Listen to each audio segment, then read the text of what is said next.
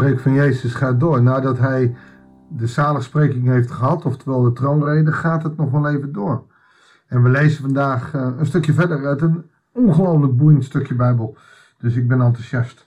Goeiedag, hartelijk welkom bij een nieuwe uitzending van het Bijbels Dagboek. We lezen Matthäus uh, 5, de versen 11 tot en met 20. Eigenlijk gaat dit een beetje door, maar die zaligsprekingen zijn uh, afgelopen gisteren. Vers 10 en vers 11 hoort er ook zeker nog bij. Zalig ben je wanneer je ze omwille van mij uitschelden. Kijk, en vervolgd worden is één ding, maar uitschelden, ja, dat kennen we in ons land nog wel. Mensen worden wel uitgescholden, mensen uh, worden uitgejouwd omdat ze christen zijn, uitgelachen. Dus zalig ben je wanneer je omwille van mij uitgescholden vervolgingen en allerlei kwaad betichten. Verheug je en juich, want je zult rijkelijk beloond worden in de hemel. Zo immers vervolgden ze voor jullie de profeten. Je hoort daarbij. Ga dat niet uit de weg. Ga de confrontatie niet uit de weg. Want jullie, zegt Jezus, zijn het zout van de aarde. Maar als het zout zijn smaak verliest, ja, dan begin ik toch weer te katten op Nederland. Hoeveel christenen zijn er nou nog? De kerken, de christenen zijn het zout. Oftewel, ze zijn de smaak verloren. We zijn flauw geworden. In openbaringen 3 lees je dan lauw. Dus als het zout zijn smaak verliest, hoe kan het dan weer zout gemaakt worden? Het dient nergens meer voor. En dat wordt weggegooid en vertrapt.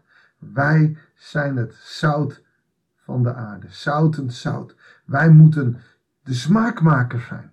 Dat kan niet op de ouderwetse manier. Nieuwe wijn, nieuwe zakken. En dat staat niet voor niets in dit gedeelte ook.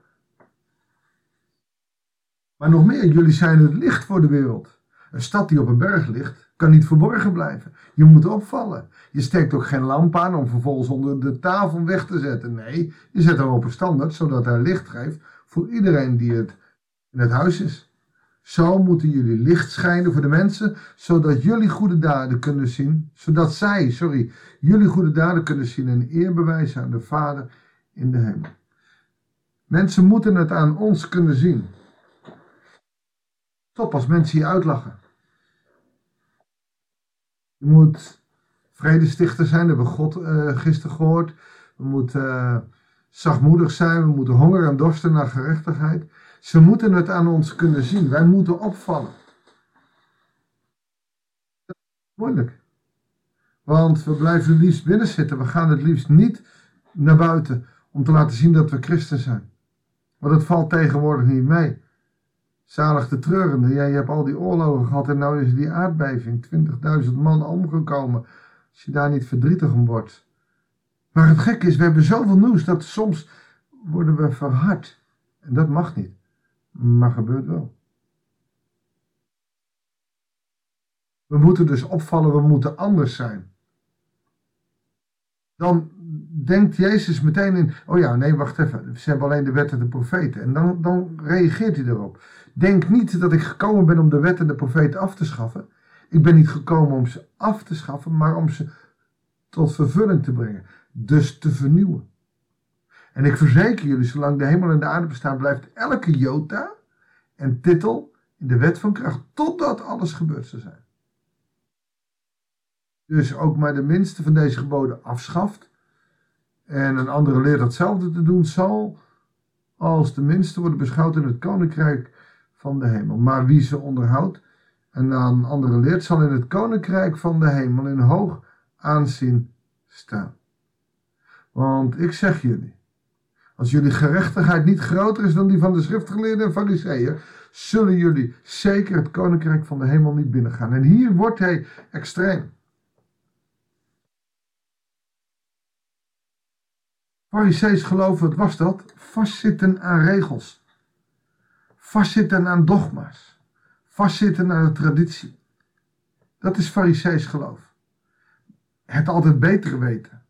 Overal wat we vinden en gelijk willen hebben. Farisees geloof. Dan zul je het koninkrijk van de hemel niet binnengaan. Nee, en als je dan uh, in Marcus 5 leest, waar ook een stukje uit de bergreder staat, dan gaat het over die, die oude wijn die, en die nieuwe wijn. Oftewel, nieuwe wijn, die moet je niet in oude zakken steken. Nieuwe wijn is die, die nieuwe input die je krijgt, dat is niet de traditionele kerkelijke uh, regels hoog houden. Nee, dat is door de geest laten leven, zodat je vernieuwt. Maar dat kan niet in oude zakken. Dus die oude kerk, die zal mee moeten rekken, mee moeten groeien. We mogen niet farisees blijven, we moeten vernieuwen.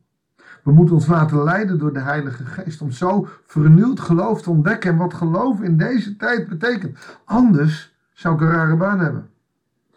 Dan zou je niet meer naar de kerk hoeven. Dan hoef je alleen maar een paar boeken te lezen zoals vroeger gezegd werden. En dat is zo. Dat het dan vervolgens niet toe te passen is in deze tijd. Ja, dat is dan jammer. Uh, zo werkt het nou eenmaal. Wat Calvijn gezegd heeft, wat Luther gezegd heeft, wat al de oude jongens gezegd hebben, weet je, die hadden gelijk en tegenwoordig niet meer. Ja, weet je, ze hadden gelijk. Maar ook wij hebben gelijk. Als we leven vanuit de Heilige Geest, we moeten de Bijbelse boodschap in de huidige taal uitleggen. Dat betekent dat die heel anders klinkt dan in de tijd van 100 jaar geleden. Deden ze het fout? Nee. Hebben wij het fout? Nee. We kunnen het nooit fout doen als we vanuit de Heilige Geest proberen te geloven. Onze gerechtigheid moet groter zijn dan de traditie. Onze gerechtigheid moet door de Heilige Geest 2023 zijn. Want deze maatschappij is anders dan 100 jaar geleden. Nog steeds moeten wij licht en licht zijn, maar niet met oude woorden, maar met nieuwe wijn, oftewel met nieuwe woorden, vernieuwde woorden. De Bijbel en God zijn soeverein, maar we moeten hem anders uitleggen, zodat wij, onze jongeren, tegenwoordig ook kunnen snappen. Licht, zout en zout. Dat is niet voor dominees, voor ouderlingen. Dat is voor iedereen die Jezus beleidt. Lichtend licht, zoutend zout. Niet alleen maar in daden, maar in woorden en daden. Dabar, dat is één woord van woord en daad. je moet opvallen. Het moet zichtbaar zijn. Niet opvallen van, oh wat zijn we goed. Hé, hey, waarom help jij die persoon? Of hé, hey, waarom doe je dit? Wij zijn anders, niet beter. Wij doen het niet vanuit het goede, maar we doen het vanuit God. We doen het niet omdat we anderen aardig vinden, want dat is makkelijker. Dan krijgen we terug. Nee, ook aan mensen die we niet aardig vinden. Oftewel, die andere wang, je weet wel, wie vijanden lief hebben. Wij doen het anders. En dat is meteen het moeilijke en het spiegelende van deze uh, gedeeltes uit de Bijbel. Waar Jezus ongelooflijk scherp is. Die bergreden is kei en keihard. En dat zou het geloof radicaler moeten maken. Ik denk dat we daar ook moeten proberen van te profiteren. Zullen we gaan bidden zodat we die radicaliteit kunnen krijgen?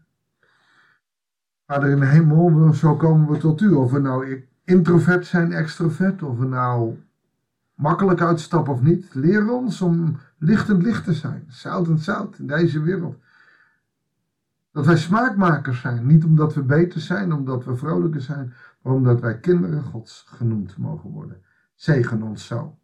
Help ons zo in deze wereld te staan. Dat bid ik u. Voor iedereen die luistert. In de naam van Jezus. Amen. Dankjewel voor het luisteren. Het is alweer vrijdag hè. Gaat hard. Ik wens je God zegen. En heel graag tot de volgende week.